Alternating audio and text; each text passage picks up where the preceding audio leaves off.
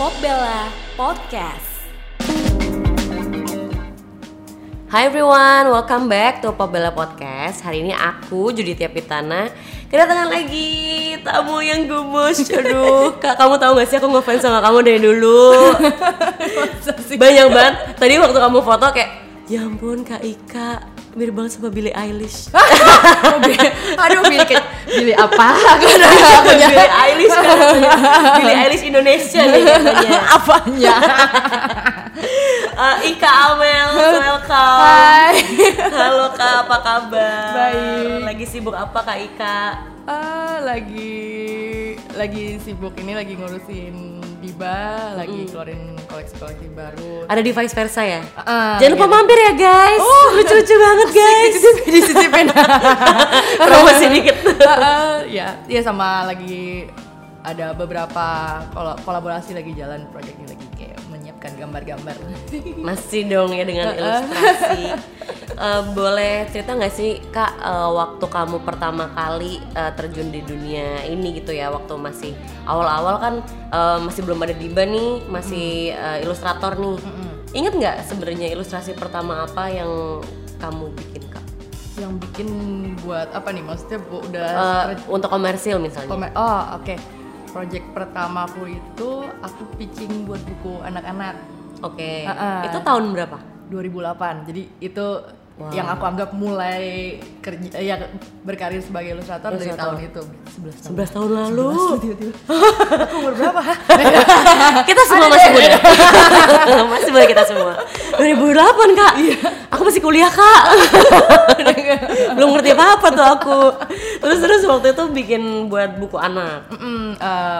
Ada apa? Eh, buat gagas media saat itu. Dia di mereka nerbitin ulang cerita-ceritanya Hans Christian Andersen Oh, kan oke. Little Mermaid semua muanya Tambelina Mm-mm. pokoknya satu buku kompilasi semua ceritanya. Terus ya mereka buka pitching ini temanku ada yang ngasih tahu di kantor kreatif directorku ngasih tahu di kantor aku. Terus "Ih, coba aja masukin. Terus iya pokoknya ternyata masuk Oh, terus gitu. iya, makanya itu jadi project pertama aku banget Sebagai seorang ilustrator. Ah. Tapi suka gambar tuh dari kapan? Oh kalau suka gambar sih dari kecil banget dari dari aku ingat baru gambar benang kusut aja aku udah seneng banget. Hah? Gimana? Jadi waktu kayak kak Iya pokoknya aku, ingat waktu pertama kali gambar benang aku kusut. nggak tahu gimana pokoknya aku ada memori. Mm-mm. Aku pokoknya inget soalnya jelas banget aku ada memori tuh aku bener-bener seneng banget pas aku lagi gambar-gambar benang kusut. Terus benang kusutnya aku kasih mata, terus aku kayak kesenangan banget. Serius? Bisa gini ya gitu. itu dari kecil tuh ya. Ingat nggak itu kira-kira umur ya. berapa? Tiga tahun. Wow. Kayak, ah ternyata bisa gini ya, berarti bisa diapa-apain lagi dalam gambar. Berarti emang dari kecil banget Iya. emang udah seneng gambar. Suka banget. Udah suka gambar. Terus kalau dapat inspirasi untuk bikin ilustrasi tuh biasanya awal-awal sebelum ada babot. itu dari mana, Kak? Kalau sebelum ada babot sih ya sebenarnya dari ngelihat sehari-hari aja ya mungkin dari banyak dari pop culture juga bisa Hmm. dari dari musik itu dulu kan kayak kita senang banget lihat video klip Iya, atau iya, iya. album album album cover kayak Zaman-zaman gitu. MTV ya, Kak. Iya kan seneng ya.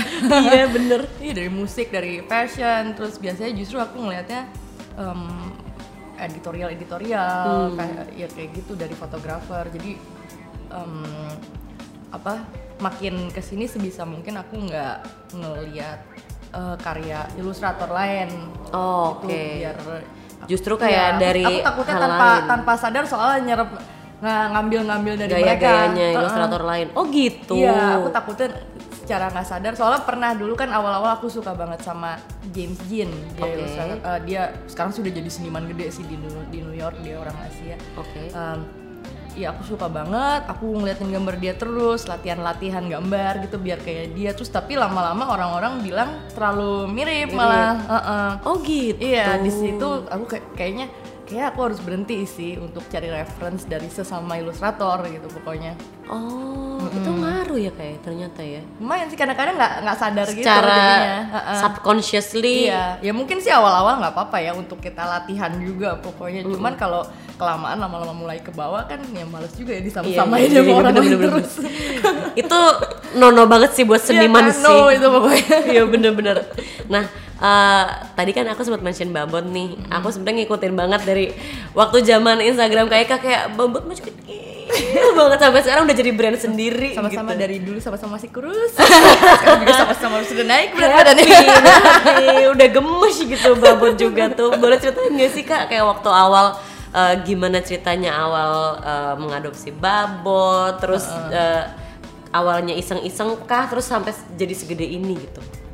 Ya pokoknya sih ketemu babot itu nggak nggak sengaja nggak direncana nggak direncanain Tidak terencana. iya aku lagi mandiin anjingku tiba-tiba ada ada seekor anjing mukanya jutek banget ngeliatin itu, Oh, gitu? iya dari itu babot Oh gitu. Iya. Jadi maksudnya waktu pertama kali ketemu sama babot itu lagi mandiin anjingnya kayak kayak yang lain. iya Oke. aku lagi mandiin gitu pokoknya pokoknya sama sekali nggak niat gitu sebenarnya ngebel nge, apa sih ngebeli sih emang sebenarnya lebih bagus adopsi ke mana-mana Heeh. cuman waktu itu beneran aku nggak bisa sih itu jadi lagi nungguin anjingku dimandiin yang satu terus kan ya ada pokoknya ada beberapa anjing, Anjing di pet store itu Heeh. terus pokoknya satu ini dari semua anjing satu ini munggungin munggungin terus begitu akhirnya nengok mukanya judes banget Iya judi sih emang. Ah, judes banget gitu kayak yang nggak usah ganggu ganggu gue Iya, ya itu ya, ya, ya. Aku kebayang sih mukanya babot sih langsung ya. iya Kayak sinis-sinis gitu. oh, yang ya. lain cari perhatian dia munggungin gitu kurang ajar banget Dari situlah langsung Iya. jatuh cinta tuh ya kak. "Hah, ini kok gini banget terus pulang-pulang tabungan jebol Jadi tuh nggak berencana. Sebenarnya nggak berencana beli eh, beli new pet waktu itu. enggak lah gila Oh, gitu gitu. maksudnya aku juga baru nikah gitu Iya, segala iya, macem iya. lagi banyak peng- eh, pengeluaran ini Pasti, itu. tiba-tiba. nambah satu bongkahan gendut ini Terus waktu itu eh, ceritanya eh, Babot bisa sampai jadi suatu brand sendiri. Kan sekarang tuh kayak Babot tuh udah terkenal banget gitu ya, kan aku kak. Awalnya tuh gimana sih kak? Apa emang karena sering digambar sama kamu kak atau gimana? Eh, dia kan emang ke mana-mana selalu nempel ya. Emang pokoknya ng- ngikutin terus nemenin gitu pokoknya. Eh, jadi tiap aku lagi deadline deadline gambar lain kan biasanya aku gambar kan detail banget itu lama bisa kayak sampai pagi sampai pagi sampai pagi capek kan. Nah aku tuh biasanya di pinggirnya kalau aku lagi gambar di kertas ini sih gambar ini gambar yang kerjaannya deh pokoknya di Mm, di tengah-tengah. tengah tuh. Nah itu sebenarnya tuh kayak di pinggir kertas biasanya suka ada gambar babot dikit kayak istirahatku bentar gitu pokoknya. Oh gitu. Jadi sebenarnya itu kayak Jadi gambar istirahat dibuat kamu kak. Jadi sebenarnya kalau lihat sketsa-sketsa aslinya tuh di pinggir gambar biasanya ada muka si babot. Oh gitu.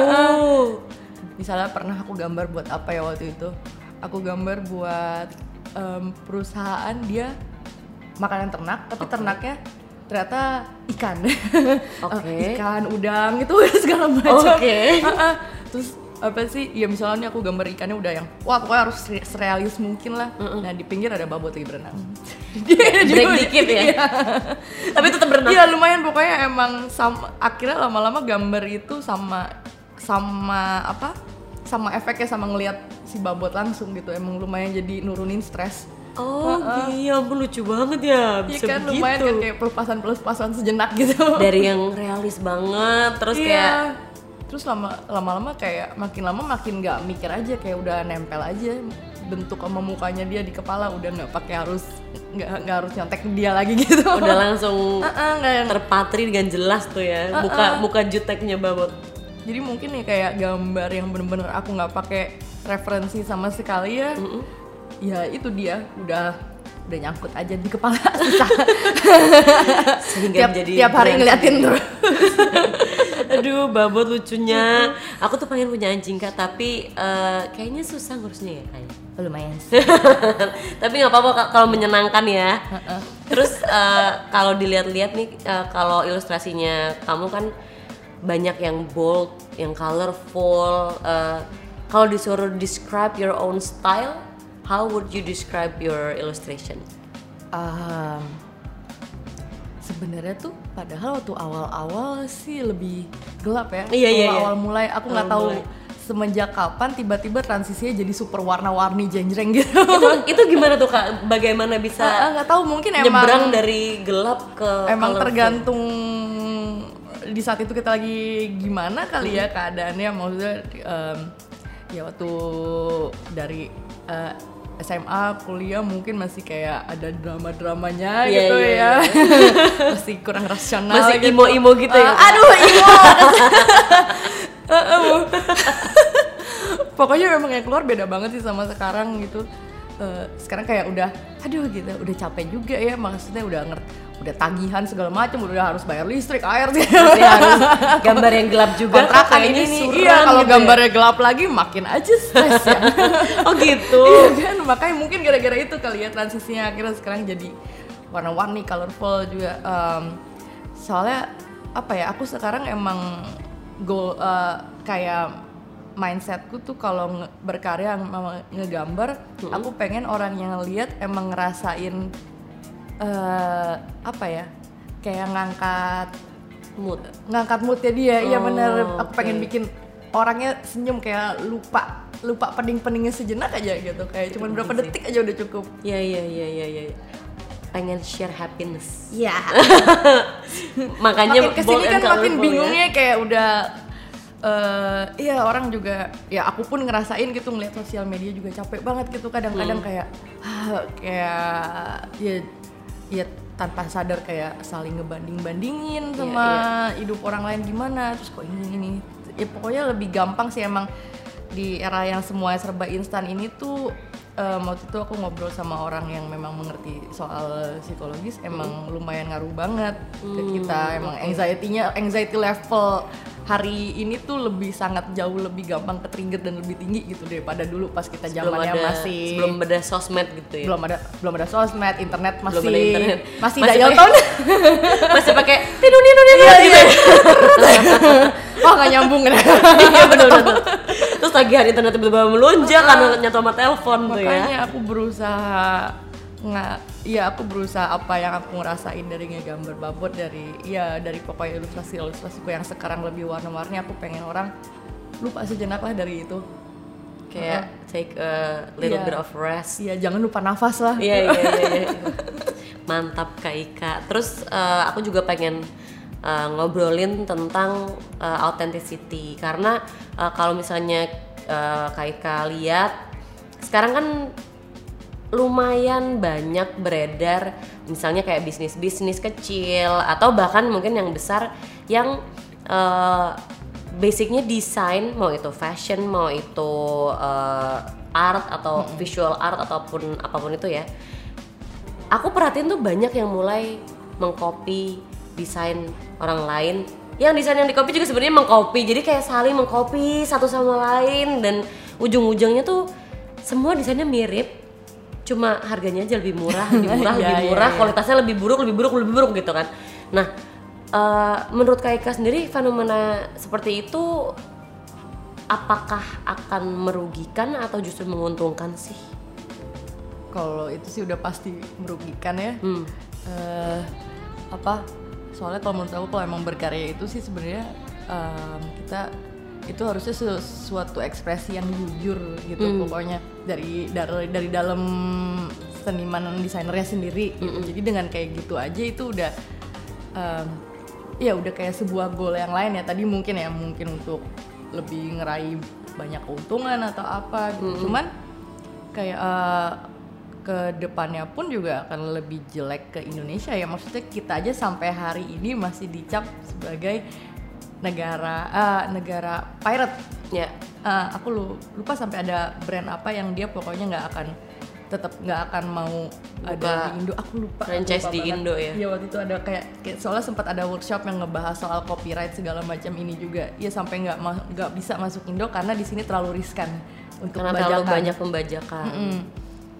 Nah maksudnya negara luar aja udah takut gitu karena dulu kita terkenal eh, dengan bisa dengan mudahnya nge- ngebajak produk-produk mereka. Nah sekarang ini aku ngelihatnya justru makin lebih parah lagi karena antara lokal sama lokal saling ngebajak. Iya, Iya kayak brandku sendiri juga pernah kena gitu dari teman-temanku juga yang ilustrator yang ya desainer baju atau apa juga banyak juga gitu yang pernah ngalamin kasus serupa dan uh, susah juga ya maksudnya dari kayak gini tuh harus ada support dari dari apa organisasi-organisasi yang udah lebih solid Mhm. gitu mungkin da, um, ya soal masalah hakinya atau apa karena emang kemarin kita sering ngobrolin berapa kali Mhm.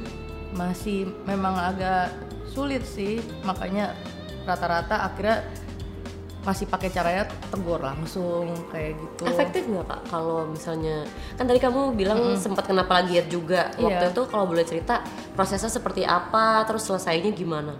Eh, susah juga ya karena soalnya udah kejadian kan jadi kita kan kita negor karena itu udah kejadian Hmm. Iya, gitu iya. sementara kan pengennya kan sebelum juga orang udah tahu kalau itu nggak boleh Nggak boleh ya. Ha-ha. waktu itu pun pas udah ketahuan produknya udah kejual Hmm. udah emang jadi iya udah jadi udah kejual udah sampai itu pun yang ngasih tahu karena ngeliat di sosmed Hmm. Iya, paling juga em, apa ya? Ya sebenarnya sih harus mikir juga ya ke orang yang ngeplagiat itu, yang ngebajak itu kayak apa? Apakah mereka nggak takut gitu dengan sosial media sekarang secepat itu Iya, iya, iya. saling ngeliat gitu. Sekarang orang ya udah banyak Informasi udah di mana-mana. informasi gitu. Aku pun taunya selalu dari orang lain yang ngeliat gitu pokoknya di sosmed. Udah sangat lebih cepat gitu untuk ngeliat kesalahan. Pokoknya untuk Iya. langsung ada yang ngadu atau apa. Iya. Tetap nggak kapok ya? Banyak Susah karena karena mereka tahu kayak hukumnya tuh belum sekuat itu. Iya iya iya. Heeh. Aku tuh pernah baca eh, sebenarnya kan di luar negeri juga ada beberapa kasus yang mirip-mirip kayak misalnya eh, fast fashion tapi sebenarnya dia mengcopy Oh iya, ha. high-end uh, fashion tapi kalau di luar negeri kan kalau aku nggak salah ya hukumnya itu kalau sesuatu itu adalah kebutuhan primer manusia nggak bisa dibikin copyright. Oke, Kalau iya. di Indonesia tuh gimana sih kak? Mungkin Kamu kayak makanan kali Iya atau kayak apa gitu makanan. yang emang dibutuhkan Iya, lah. kayak sandang papan sandang pangan lah. Makin gitu. banyak penyalurnya lebih baik. Pokoknya. eh, kalau di Indonesia sendiri ke- kayak gimana sih kak? Kalau boleh tahu sharing dong dikit kayak pengalaman kamu selama ini gimana memperjuangkan copyright, haki dan lain-lain. Eh, em, apa ya? Eh, kalau dari aku, sebenarnya sih sekarang udah ada kayak beberapa site yang menawarkan setidaknya em, dia mengeluarkan sebuah sertifikat yang berlaku di beberapa negara sama dia biasanya dicantumin kayak surat ini bisa menunjukkan kalau ini copyright karya kamu. Kalau nggak salah itu bisa buat kayak beberapa tipe karya gitu. Oke. Ada, ada- aku waktu itu lihatnya protect my aku daftarinnya di protectmywork.com. Oke. Soalnya di situ begitu kita beres, kita masukin eh, file-file sketsa prosesnya. Jadi ada buktinya kalau itu tuh emang dari awal kita yang ngolah gitu, kita yang Oke. iya kita yang bikin. Jadi bukan cuman final result doang. Iya iya iya. Soalnya sih sebenarnya paling kuat itu sih. Iya eh, dan temen eh, kemarin juga kita sempat ngobrolin gitu sesama ilustrator memang eh, bukti paling kuat itu loh ben- eh, emang bener pengarsipan karya. Oh, Oke. Berarti Heeh, ya antara memang saat ini sketsanya atau memang kelihatan jelas gitu file mulainya file sketch-sketchnya digitally juga ada tanggal-tanggalnya semuanya. sampai udah jadi Mm-mm, gitu kayak ya. Itu emang bukti, tetap tetap bukti paling kuatnya itu soalnya. Tapi kan dengan adanya sosial media, dengan adanya internet gitu, lebih riskan nggak sih sebenarnya kalau misalnya uh, kamu publish karya uh, di internet atau di sosmed, terus bisa just anyone can grab that, terus kayak mereka bisa membuat itu menjadi sesuatu hal yang lain untuk diprofitkan gitu. Uh, pernah takut nggak sih kak sama orang-orang yang kurang bertanggung jawab seperti itu? Hmm, sebenarnya sih kalau takut enggak. Soalnya masalahnya kalau takut kita juga jadi takut eh, nge-display karya kita di mana pun. Karena bisa gampang banget sekarang. Sekarang eh, smartphone em, apa resolusi udah gede banget Iya, gitu. bener-bener, Cuman cep- cekrek doang dia udah, Udah ada bisa. file gedenya, udah tinggal dirapi-rapihin dikit gitu Iya. pokoknya. Jadi emang sebenarnya kita nggak boleh takut sih yang lebih yang lebih harus ada rasa malu rasa takut orang yang ngeplagiatnya gitu pokoknya ya ya dibalikin lagi gitu dengan seinstan instannya itu mereka pun dengan segampang itu juga ketahuannya Ke gap gitu Ah, ya. ke gap itu gue sih malu banget sih gitu yang kayak di ini yang kayak ini Bener, kayak bener. karya si ini deh Tapi seberapa penting authenticity itu untuk eh, kalau untuk seniman kan pasti penting ya. nah Cuma kan iya sih yang penting adalah karakter itu gimana Iya. caranya ngebuktiin emang kita gambar itu kayak misalnya satu orang gambar ikan terus tiap ada yang gambar ikan itu semuanya yang kayak ah itu kan dia yang gambar. Nggak bisa juga Iya, sih. iya, iya. emang mungkin mungkin garis limitnya juga masih agak Blur, susah ya. agak blur ditentuinnya di mana gitu. Jadi emang bener-bener makanya kalau misalnya daftarin karya pun emang per karya per karya kalau karakter misalnya kayak babot itu tuh ada namanya aduh aku sampai lupa Apa namanya. Tuh, jadi dia daftarinnya tuh kayak daftarin aset per karakter gitu oh, oke. aduh aku lupa banget namanya lagi kemarin baru ikut workshopnya Saking banyak nih ikut workshop Ah, nih kayaknya. Jadi bukan jadi dia udah bukan karya lagi, dia emang ya babot mau nanti orang bikin babot lagi lagi mungkin lagi loncat atau apa tapi karena udah ada saklekannya itu udah beneran bisa tuh dipakai Oh, oke. aduh apa ya aku lupa tapi itu juga harus melalui haki juga Itu harus ha- haki juga. Ha-ha, pokoknya. Oke.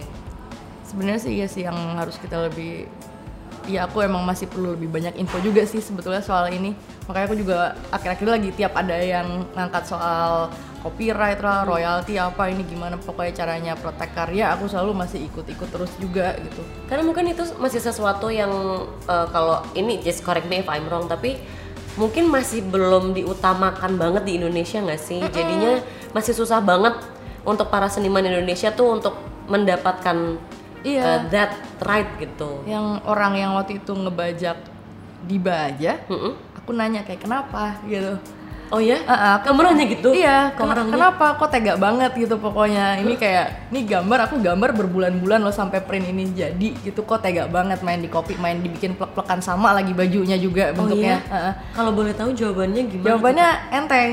Apa tuh? Jadi dia antara menganggap ini kayak ngomong manis pujian, tapi jawabannya tuh terlalu enteng banget yang kayak oh soalnya saya kira ini brand luar. Oh wow. Wow.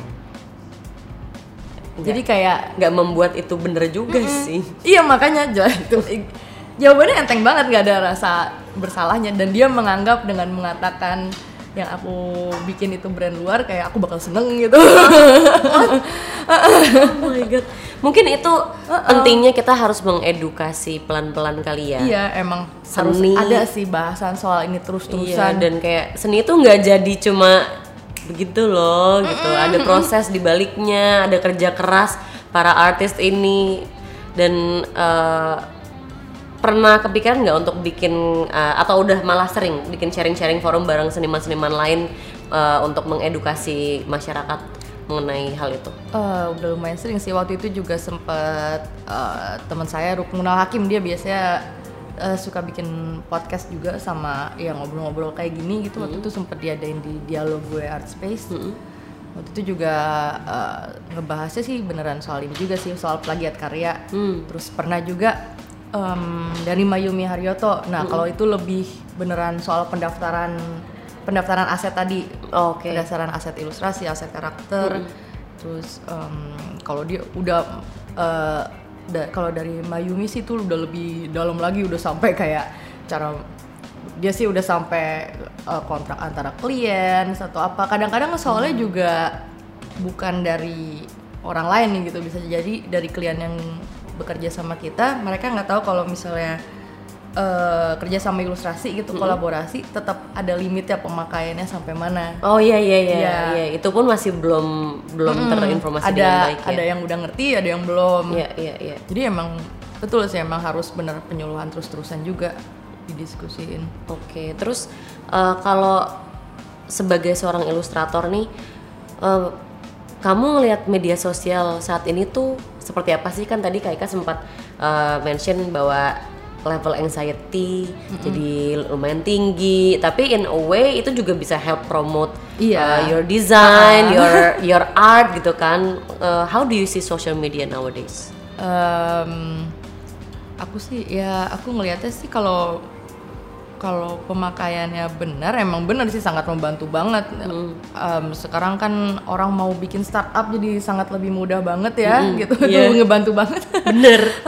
Terus juga untuk em, iya untuk desainer desainer ilustrator muda yang pada baru-baru juga mereka lebih lebih ada chance gitu pokoknya untuk ngasih liatin karyanya buat nampilin portonya walaupun aku saranin tetap bikin PDF yang baik ya kalau Iya, misalnya iya. untuk kalau udah mau bener cuman mereka udah bisa tampilin karya di situ gitu orang bisa lihat kalau dulu kan kita dulu ada Devian Art kak iya tapi Deviant Art pun itu kan sesama ini. sama seniman ya Iya sesama Iya, seniman. iya. Kalau ini tuh bener-bener everyone Ah, semua bisa lihat gitu sampai skala internasional pun bisa lihat. Iya jadi sih. akan lebih ya bagian situ sih sebenarnya bagus banget sih. Jadi, dan jadi kelihatan juga gitu kayak bisa kayak inspire satu sama lainnya lebih lebih kenceng juga ya kayak oh ternyata di Indonesia udah sebanyak itu gitu yang kayak talented kayak gini yang potensinya gede-gede kayak gini.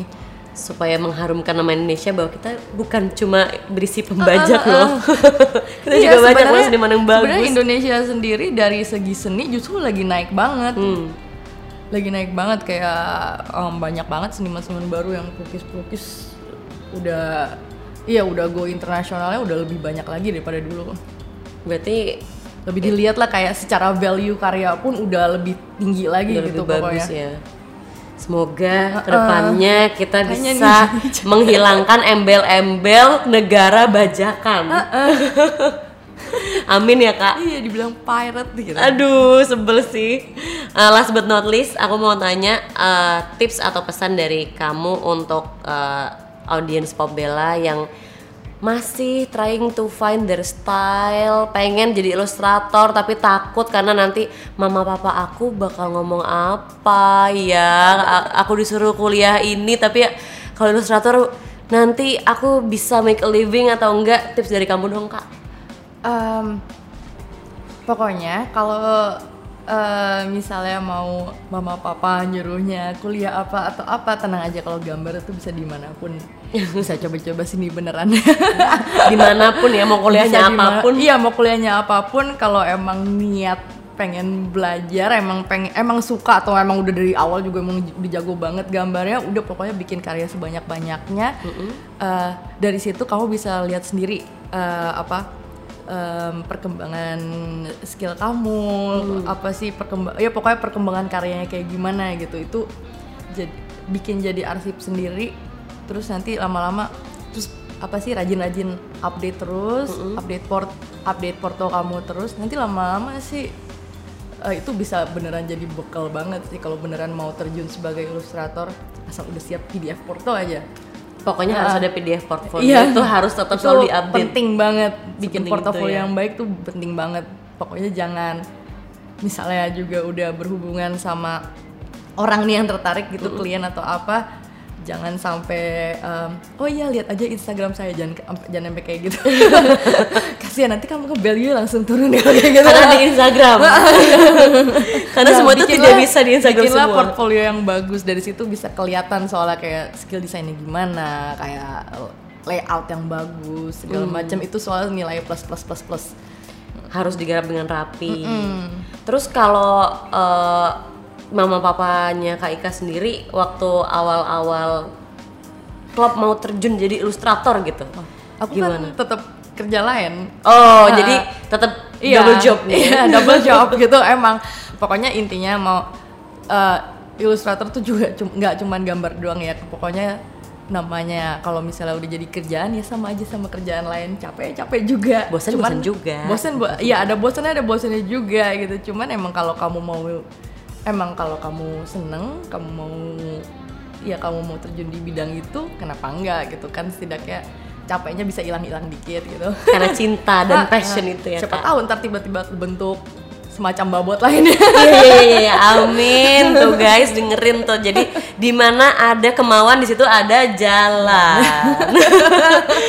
Oke thank you banget Iya. Kak Ika untuk sharingnya hari ini. Sampai ketemu di Indonesia Mill Summit 2020. sampai ketemu nanti di Januari ya Iya sampai ketemu Januari ya Kak. Bye bye. bye bye